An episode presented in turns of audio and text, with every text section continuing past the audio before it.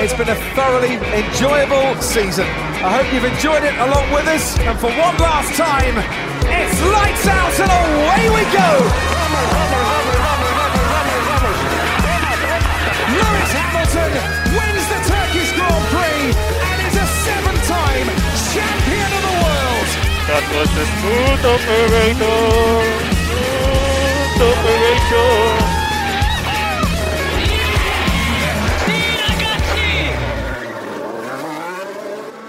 Herkese merhaba. Podstop Podcast'in bu bölümünde her zaman olduğu gibi Deniz ve ben Burak sizlerle birlikte Katar Grand Prix'sini değerlendireceğiz. Ee, ilk defa Formula 1 ev sahipliği yaptığı Katar'daki Losail pisti daha önce yıllar boyunca MotoGP'yi e, konuk etmişti. Bu pist biraz daha motosiklet sporlarına daha uygun bir pist olarak da tanımlanıyordu. E, fakat bu ilk yarış e, oldukça görkemli bir şekilde geçti. Yarış heyecanlı olarak heyecanı olarak söyleyemesek de e, tüm hafta sonu e, takımların e, ve işte pilotların sponsorların yapmış olduğu etkinliklerle birlikte Katar e, 2023'ten itibaren zaten normal takvime de gireceğini 2 yıl öncesinde bu yarışla birlikte kutlamış oldu. Deniz istersen hafta sonunu konuşmaya biraz pisti konuşarak başlayalım. Sen nasıl buldun Losail Grand Prix'sini Losail pistini e, ilk başta açıklandığında e, özellikle işte MotoGP'den bilenler birazcık yorum yapmaya çalıştılar ama Formula 1 araçlarını burada görmek çok daha farklıydı. Bu anlamda senin beklentilerini karşılayabildi mi Losail? Aslında klasik Arap Arap Yarımadası pistlerine benzer bir pist bence. E, karakteristik karakteristik anlamda. Bahreyn'i vesaire e, bir tık andırıyor diyebiliriz. E, evet yani MotoGP'de ben hani her zaman takip ettiğim bir şey olmasa da yarışların daha önce izlemişliğim vardı burada ama dediğim gibi Formula 1 araçlarını burada izlemek keyifliydi. Ee, yani uzun bir düzlük geçişe imkan veren. Onun haricinde hızlı virajlar. Ee, ben açıkçası çok bu tarz pistleri çok sevmiyorum. Ee, daha e, yarışa imkan veren pistleri daha çok seviyorum. Uzun e, hızlı virajların olduğu pistler genelde e, rekabete çok açık olmuyor bence. E, ama yine de benim beklentimden e, daha keyifli geçti diyebiliriz. En azından içerisindeki birkaç hikayeden dolayı e, bu sezon izlediğim yani daha kötü yarışlar izledim bence. E, keyifli bir pistti. Formula 1'in e, bu tarz yarışlara ve bu tarz pistlere de mutlaka ihtiyacı var devam edebilmesi için. O yüzden bence Formula 1 için başarılı bir seçim olmuş diyebilirim. Ben biraz şöyle düşünüyorum. Yani neredeyse sürücülerin tamamı e, Losail'de araç sürmenin çok keyifli olduğunu söylediler. Bu benim için birazcık bir şey yani bir turnusol gibi. Eğer bir pilot çok keyifli bir şekilde e, bir pistte araç sürüyorsa o işte aracın limitlerini daha iyi gördüğünü e, ve işte virajlardan keyif aldığını, aracı hareket ettirmekten keyif aldığını gösteren bir durum oluyor ve genelde böyle pistlerde yarış esnasında yeteri kadar aksiyon vaat etmiyor. E, o yüzden bu sebeple ben birazcık Losail'i bu çerçevede değerlendirmek istedim. Pilotlar seviyorsa o kadar da e, yarış anlamında heyecanlı bir pist değildir e, diye yorumlayayım ki zaten e, özellikle yarışın yarısından itibaren sürpriz birçok e, lastik aşınması sorunuyla karşı karşıya kalmamış olsaydık epey sıradan bir yarış olarak da e, devam edecekti diye düşünüyorum. Birazdan onları konuşmaya e, devam ederiz. İstersen sıralama turlarıyla başlayalım. Sıralama turlarında Q1'de çok e, farklı bizi şaşırtan bir durum yoktu. Her zaman olduğu gibi Haas'lar, Alfa Romeo'lar ve Latifi e, kadrosu Q1'de elendi. E, daha sonrasında da Q2'ye kaldığımızda Katar Grand Prix'sindeki sürprizler ortaya çıkmaya başladı. Önce Ferrari pilotu Charles Leclerc 13. sırada kaldı ve elendi. Hemen altında Daniel Ricciardo vardı 14. sırada. Ricciardo'nun zaman zaman bu şekilde Q1'de ya da Q2'nin sonlarında elendiğini görmüştük. Fakat e, son turlara gelindiğinde Red Bull pilotu Sergio Perez'in de elendiğini gördük. Q2'de bu önemli takımların e, ön sıralarda hem birbirleriyle hem de şampiyonluk anlamında mücadele eden takımların e, bu şekilde e, elenmelerini görmek birazcık aslında yarışın daha farklı bir şekilde geçeceğine yönelik bizleri de motive ediyordu. Q3'e geldiğimizde de Alfa Tauri ve Alpine ikişer pilotla Q3'e kaldılar. Bence bu sezon en etkileyici performanslarıydı bu iki takım içinde. Bu kadar bilinmeyeni olan bir pistte böyle iyi performans sergileyip e, Q3'e kalmak çok değerliydi. Fakat bir bakıma da çok sürpriz de bir durum değildi. Çünkü cuma ve cumartesi günlerindeki antrenman seanslarında hep çok güçlü görünüyorlardı. Yani Sunoda'nın ilk 5'te olduğu, Alonso'nun e, en hızlı turları attığı birçok şeyle, durumla karşı karşıya kaldık bunları gördük. E, bu sebeple e, onların da performansı e, takdire şayandı diyelim. E, Lewis Hamilton pole pozisyonunu aldı burada e, Katar'da 1.21'in altına inen tek pilot oldu. 1.2827 ile epey iyi bir tur attı ve pole pozisyonu sahibi oldu. Fakat Hamilton dışındaki diğer pilotlar kendi derecelerini geliştiremediler. Çünkü Pierre Gasly son zaman durumda turunda lastik patlattığı için e, seans aslında bitirilmiş gibi oldu. Sarı bayraklar sallandı. Sonra çifte sarı bayraklar geldi.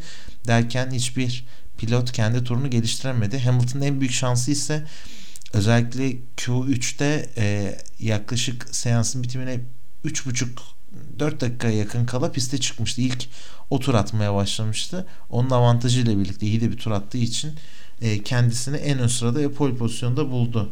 Derken sonrasında da zaten ortalık karışmaya başladı. Cumartesi günü sıralama turlarından itibaren başlayıp e, akşama kadar devam eden bir incelemeler silsilesi başladı. Tüm bu anlamda baktığımızda sıralama turlarını sen nasıl değerlendirdin ve istersen bununla birlikte Gazi'nin çift sarı bayrağı Gazi'nin sebep olduğu çift sarı bayrak altındaki cezaları da birlikte değerlendirelim.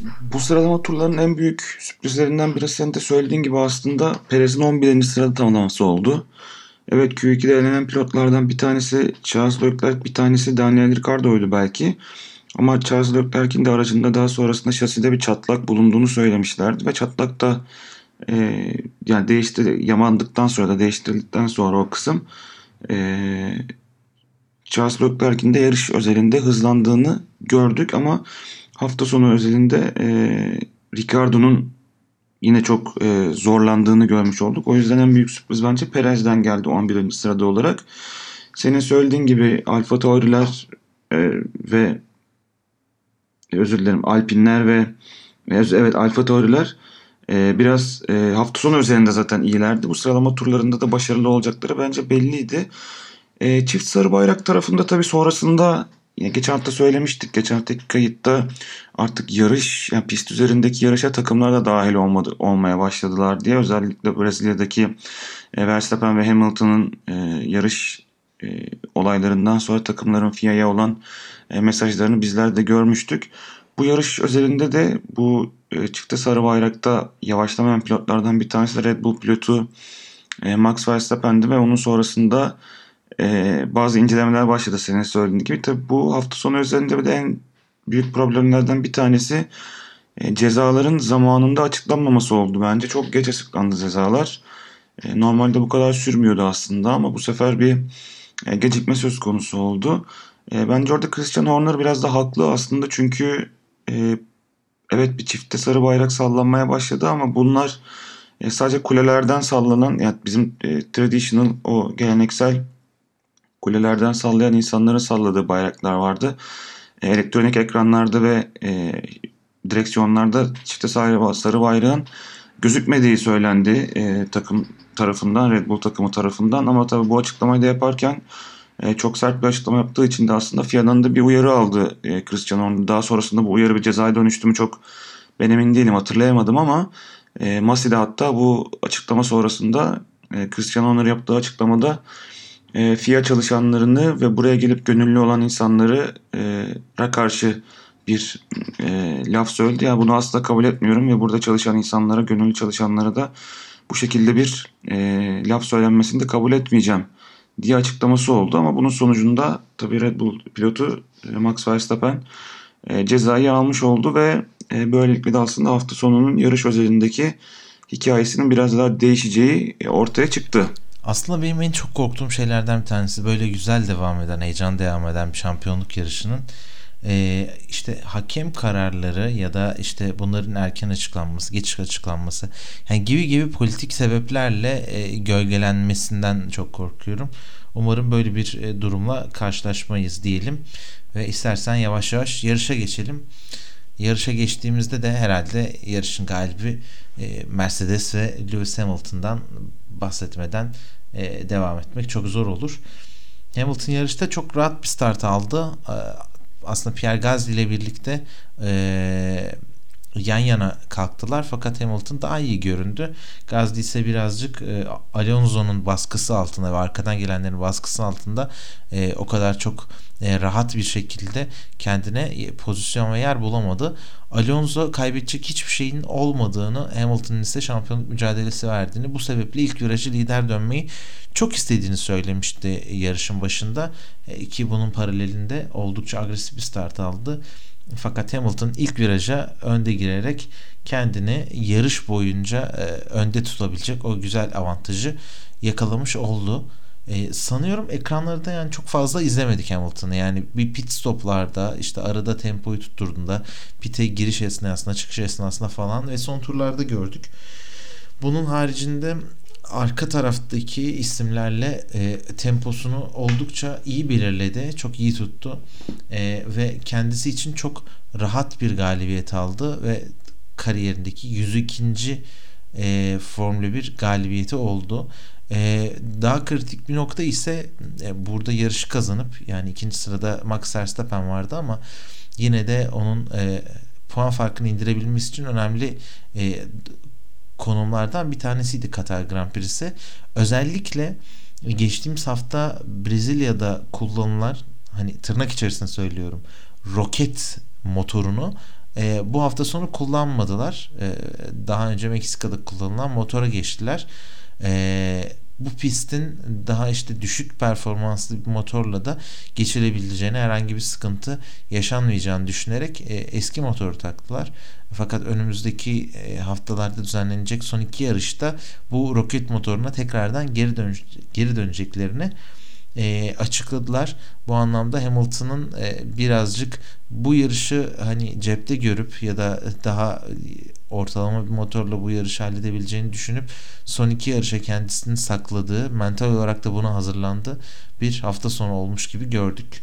E, bu anlamda sen nasıl değerlendiriyorsun hem Hamilton'ı hem de Mercedes'i? Bu roket motor olayını ben biraz spekülasyon olarak düşünüyorum. Spekülasyondan ziyade Toto Wolff'un biraz olsun bir sonraki iki yarışta e, şimdiden Red Bull üzerinde baskı kurmaya çalıştığını düşünüyorum. E, ya bu kadar fark edeceğini sanmıyorum. Ya da hani ya bu yarışı biz kolay kazanırız. Roket motoru getirmeyelim.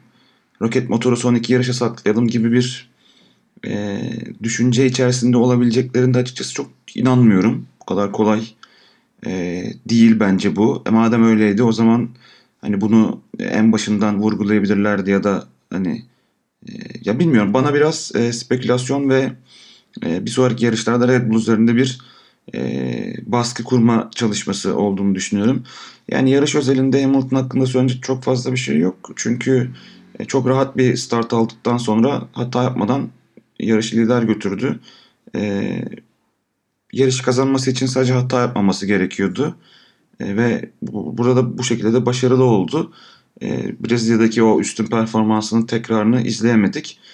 E, yani Hamilton'la ilgili çok fazla konuşabilecek bir şey yoktu. İstersen e, Bottas'ı değerlendirelim. Yani bu yarış üzerinde en azından hani Bottas yarış dışı kalmış olsa dahi konuşulabilecek daha fazla şey var en azından Bottas hakkında. Kesinlikle. Bottas trafikte kaldığında sezon içerisinde çok fazla zorlandığını gördük.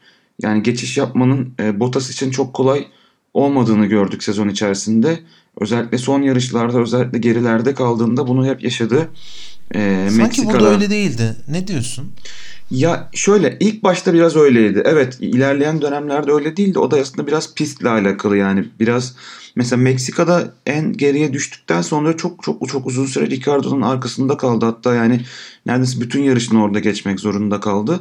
Ama şimdi orada da pist gerçekten çok e, belli başlı noktada orada da mesela start iniş düzünde ve e, geçiş yapılabiliyor neredeyse. E, burada da aslında biraz ona benzer. E, ama burada e, bir şekilde 11. sıraya geldikten sonra e, bir şekilde 5 sıra öne atabildi kendini. Yani 6'la 6.lığa kadar falan gitti ve e, hani potansiyel bir üçüncülüğü vardı aslında ortada. E, bir şekilde tek pit stopla e, kendisini Alonso'nun önünde e, bırakabilirdi. Alonso ikinci piti de yapmıştı diye hatırlıyorum yanlış hatırlamıyorsam. E, ama ister istemez e, son yani ilk stintin son turlarında diyelim en azından e, sol ön lastiğini patlattı ve o da zaten e, yarışa mal oldu diyebiliriz e, Bottas için.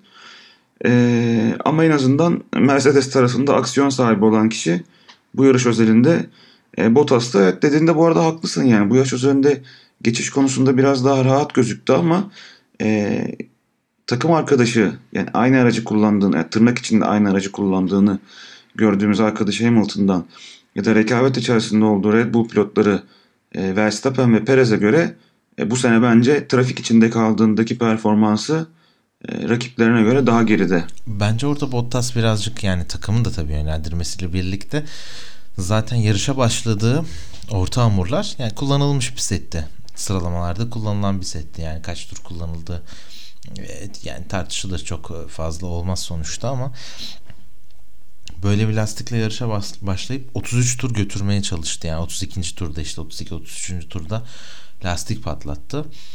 Ben gridin geri kalanına baktım. Mazepin 0 set orta hamurla başlamış 31 tur gitmiş. Onun dışında Ricardo 0 set e, yine orta hamurla 26 tur gitmiş. Lökler 0 setle 27. Sainz kullanılmış setle 27 gitmiş. Ve daha fazla e, kullanan yok.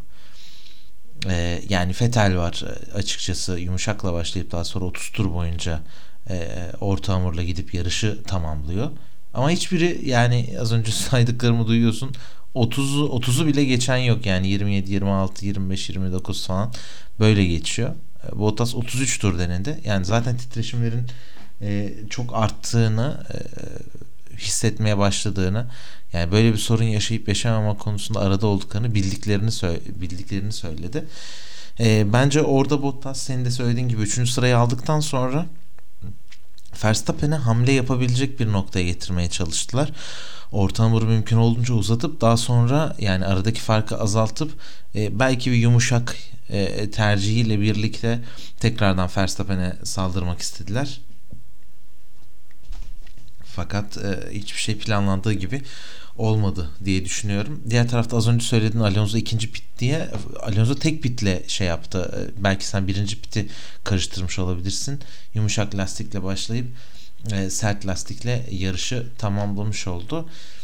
E, Valtteri Bottas e, e özellikle böyle bir durumla karşılaşmış olmasaydı e, ya podyumda ya da podyumun çok önemli adaylarından birisi olarak hayatını devam edebilecekti. Fakat onun için de şanssız bir e, Katar Grand Prix'si oldu diyelim. E, istersen bununla birlikte e, şampiyonluğun e, diğer rakibine geçelim. Diğer e, yarısına geçelim.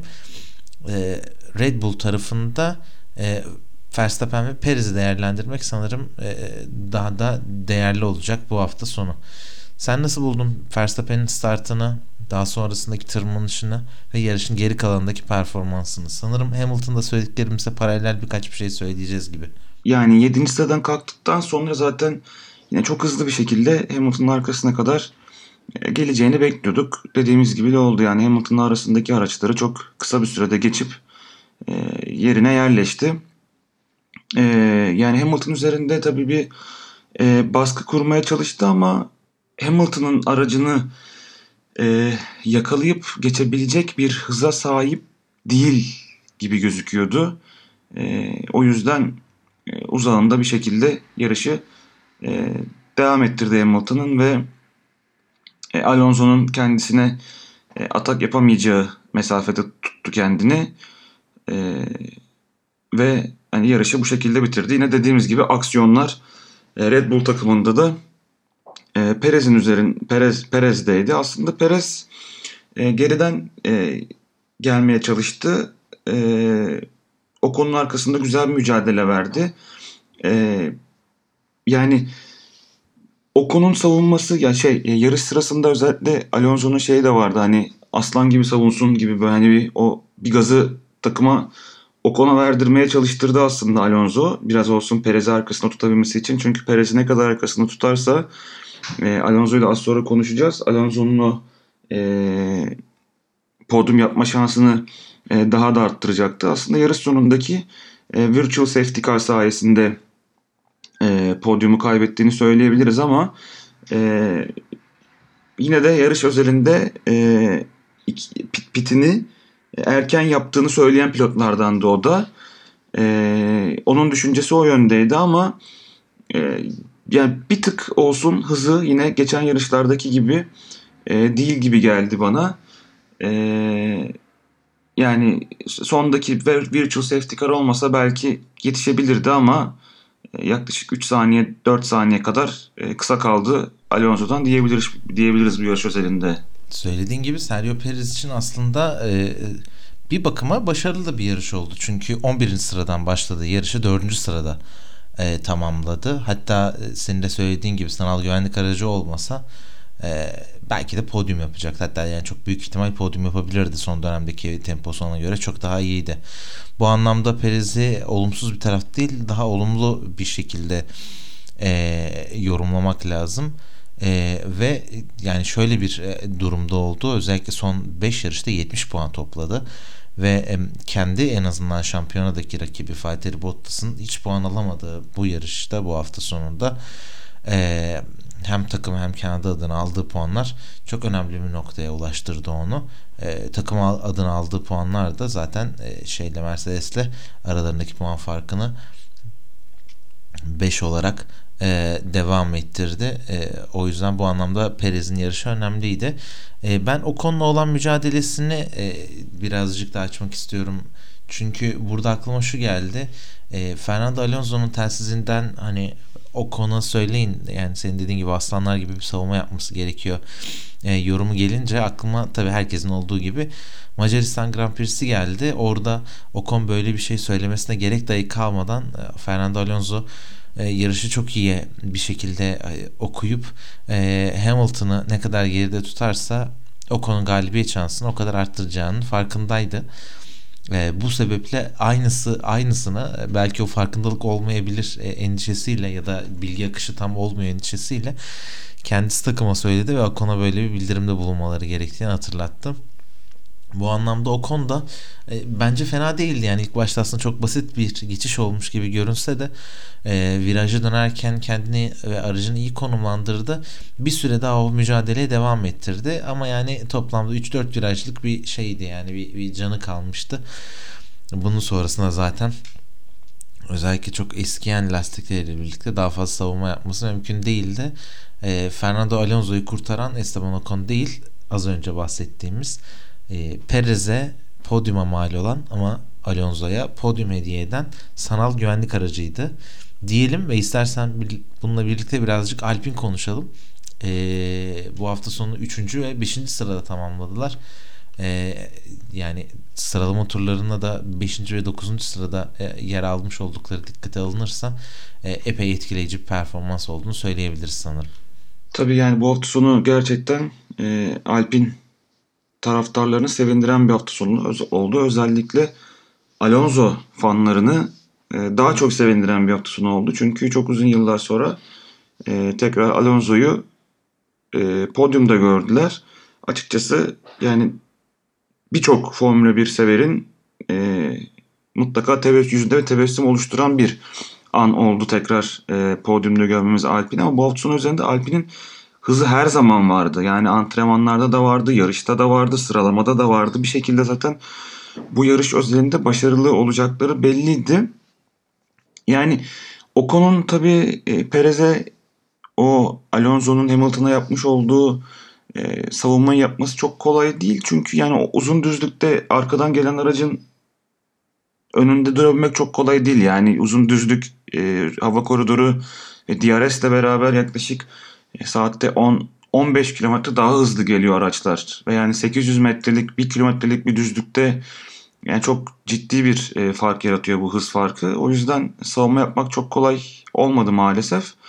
E, eğer yani konuştuğumuz o sanal güvenlik aracı olmasaydı muhtemelen ona bahsettiğimiz aslan gibi savunmayı Alonso da yapamayacaktı bence ama e, şans da olsa en azından sezon sonunda da olsa en azından e, Alonso'yu podyumda görmek gerçekten çok keyifliydi. Bence az sonra konuşacağız ama hafta sonunun en e, kuvvetli sürüşlerinden bir tanesinde Alonso yaptı. Hem yarışın başında olsun, yarışın sonuna doğru olsun.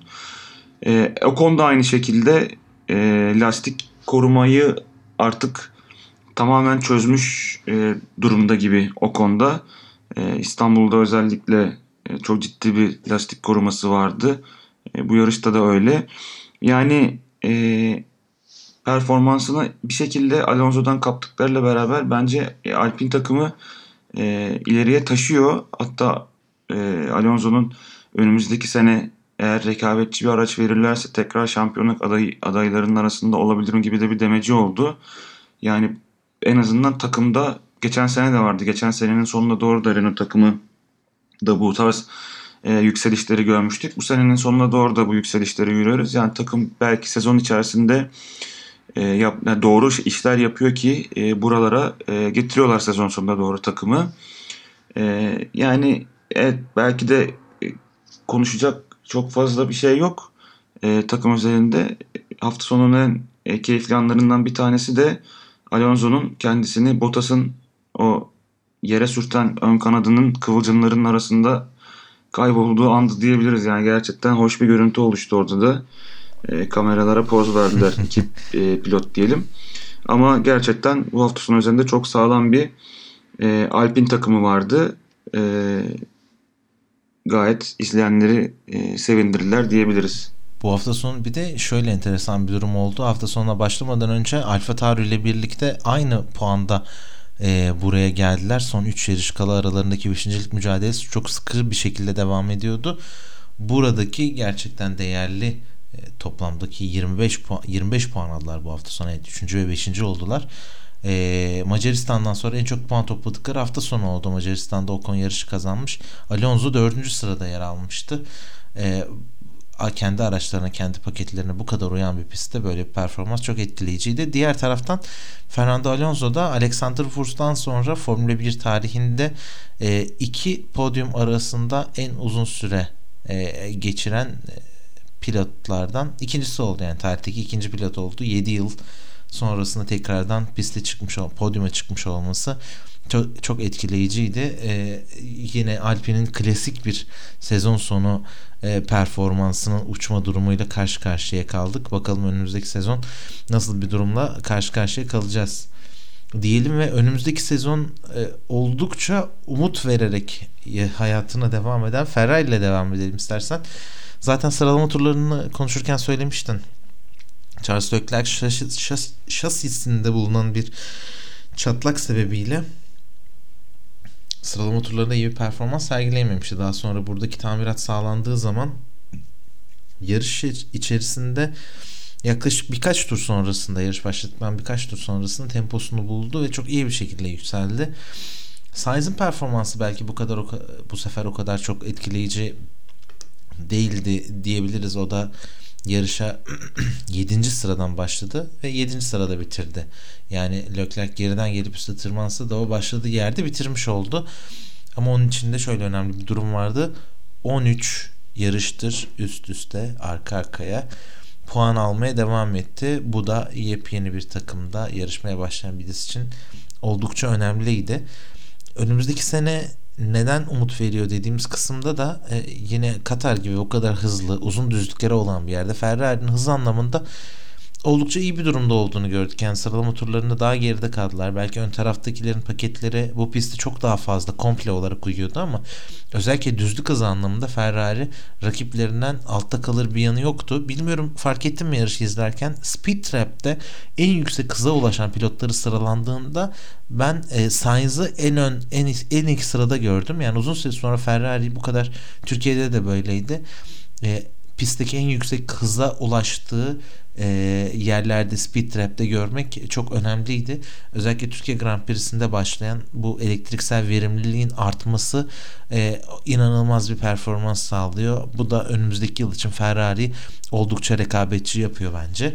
E, Ferrari ile ilgili senin yorumların nasıl olacak? Katar Grand Prix'sinde nasıl buldun? Ya motor konusunda evet gerçekten geliştikleri ortada. Özellikle geçen seneden sonra geliştikleri çok ortada. Ama mesela az önce e, Red Bull'u değerlendirirken şeyden bahsettik. Yani Perez'le Ocon'un mücadelesinden bahsederken DRS ve arkasındaki yani öndeki pilotun hava koridoruna gittiğinde yaklaşık 10-15 km daha hızlı gidiyorsun ama bunu yapabilmek için öndeki pilotu takip edebilmen gerekiyor. Evet Ferrari'nin motoru iyi, hızı iyi belki ama e, bu sene yani o e, Red Bull ya da Mercedes ayarında olamamalarının sebebi aracın komple ayarının tam olarak oturmamış olması ama en azından motor tarafını çözmüş olmaları gerçekten seneye için e, bir avantaj olduğunu e, görüyoruz biz.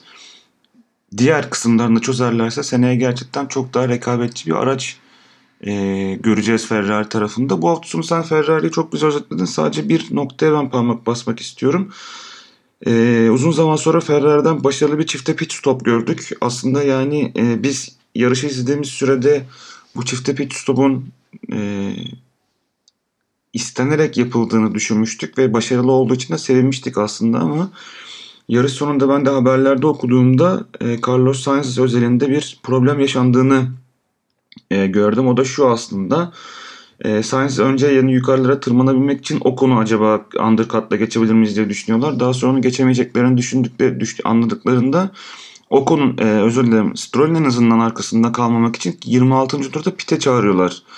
Ama e, bu pit mesajı bir şekilde Sainz'e ulaşmıyor telsizden ve e, o da hem e, mesaj da bunu teyitlemiyor hem de e, o e, direksiyonlarındaki e, pit confirmed yani pit onayla pit, pit mesajını aldığını onayladığı tuşa basmıyor ve bir şekilde takımla arasında bir e, iletişim kopukluğundan dolayı 26. turda pite gelemiyorlar. Ve bu sadece bir tur sonra 26, 27. turda girmesine rağmen pite o turdaki yavaş hızından dolayı da aslında Stroll'ün arkasında çıkıyor. Tabi burada 27. tura turda da takım önce Sainz'i alıp sonra Lökler'i almayı planlarken Sainz daha fazla bir tur daha yavaş gönderemeyecekleri için arka arkaya alıyorlar ama e, bir şekilde başarılı bir e, çifte pit stop izlemiş olduk Ferrari tarafında. Bu da en azından e, Ferrari taraftarlarını bu hafta sonu özelinde e, sevindiren bir diğer e, konuydu diyebiliriz. Hafta sonu Twitter'da bununla ilgili gerçekten çok yaratıcı, çok keyifli espriler vardı. Yani insanlar şey falan yazmıştı. Ben onu gördüm. Yani arkadaşlar düzgün bir link var mı? Benim görüntüde Ferrari başarılı bir çifte pit stop evet, yaptı ben de gördüm. diyorlardı. Hakikaten çok keyifliydi onu izlemek ama bir yandan da gelişiyorlar. Yani bu kadar dalga konusu olarak son iki yılı geçirmelerine rağmen e, çok da iyi bir noktaya doğru ilerliyorlar. E, önümüzdeki sezon tüm araçların her şeyin değişmesiyle birlikte çok farklı fırsatlar karşımıza çıkarabilir e, diye düşünüyorum ve sana sanırım cevabını bildiğim bir soruyu sorarak programı yavaş yavaş sonuna geliyoruz. Geldiğimizi hatırlatmak istiyorum. Katar Grand Prix'sinde günün sürücüsü adayın kimdi senin? Ben çok uzatmadan günün sürücüsü ödülünü bu hafta sonu üzerinde Alonso'ya veriyorum. Uzun zaman sonra podyuma çıkması ve yani e, bulunduğu yerdeki araçlardan daha rekabetçi olmayan bir araçta orada kaldığı için ve podyumu aldığı için ben günün sürücüsü adayımı e, Alonso'ya veriyorum. Eğer Alonso eğer e, bu kadar yukarıda kalmasaydı da ikinci pilotum muhtemelen sürpriz bir pilot olarak Norris olurdu ama bu hafta sonu üzerinde benim pilotum e, Alonso'ydu. Tabii ki de e, diğer e, rakiplerinin almış olduğu cezalarla birlikte gridde 3. sıraya kadar yükselmesi ve yani hemen çok kısa bir süre sonra ikinciliğe de yükselmesi onun bir bakıma şansıydı. Her ne kadar Verstappen'i gerisinde tutamasa da özellikle çok akıllıca planladığı lastik yönetimi e, ve onu ve yani hem sanal güvenlik aracının hem de belki biraz da olsa Ocon'un Perez'i geride tutması e, tüm bunları alt alta koyduğumuz zaman e, böyle iyi başladığınız bir yerde iyi bir araçla e, podyum almanız için yeterli oldu. Bu kadar aksiyonlu olmadığı bir yerde e, o önemliydi. Zaten Alpine de bence sezon boyunca bunu hedefliyor. Yani sezon başında konuştuğumuzda da böyleydi. Bunun gibi fırsat yarışlarında orada hazır bulunup alabileceğinin maksimumunu almaya çalışmak onlar için önemli bir e, noktalardan motivasyon noktalarından bir tanesi ve bunu da başarıyorlar. Yani geçen sene de bunu başardılar. Hem Ocon'la hem Ricardo'yla bu sezonda yine Ocon, e, Fernando Alonso yani hep o, o ekstra yarışlardaki o ekstra puanları ve podyumları e, toparlıyorlar. E, Macaristan'da Ocon bunu elde etmişti. E, Fernando Alonso yani kendisi podyuma çıkmış yarışı kazanmış kadar sevinmişti. E, bu sefer Fernando Alonso podyumun keyfini çıkarttı. E, ve yani hakikaten birçok izleyen Formula 1 severe de yüzünü gülümseten bir e, podyum e, serüveni, podyum töreni bıraktı daha kritik şeylerden bir tanesi de bilmiyorum fark ettim sen de yine Twitter'da epeyce paylaşılıyordu. Alonso'nun podyumdan verdiği bir poz var. Böyle eliyle e, başının üstüne gözlerinin üstüne gölge yapıp uzaklara böyle baktığı bir poz. E, onun üzerine de bayağı bir espriler vardı Fernando Alonso'nun. E, bu anlamda yani onu orada görmeyi çok özlemişiz. Çok da keyifli bir e, podyum töreni izletti bize. Günün sürücüsü sanıyorum tartışmasız Fernando Alonso'ydu diyelim ve Formula 1'e bir hafta ara veriyoruz artık. Sezonun bitimine son iki yarış kaldı. Bu hafta e, sonu yarış olmayacak fakat bir sonraki hafta e, yep yine yepyeni bir pistte ilk kez düzenlenecek bir yarışta Cidde e, cadde pistinde Suudi Arabistan Grand Prix'sinden sonra yine sizlerle birlikte yarışın değerlendirmesini yapacağız. Ee, önümüzdeki hafta sonu Suudi Arabistan Grand Prix'sinden sonra görüşmek üzere. Hoşçakalın. Hoşçakalın.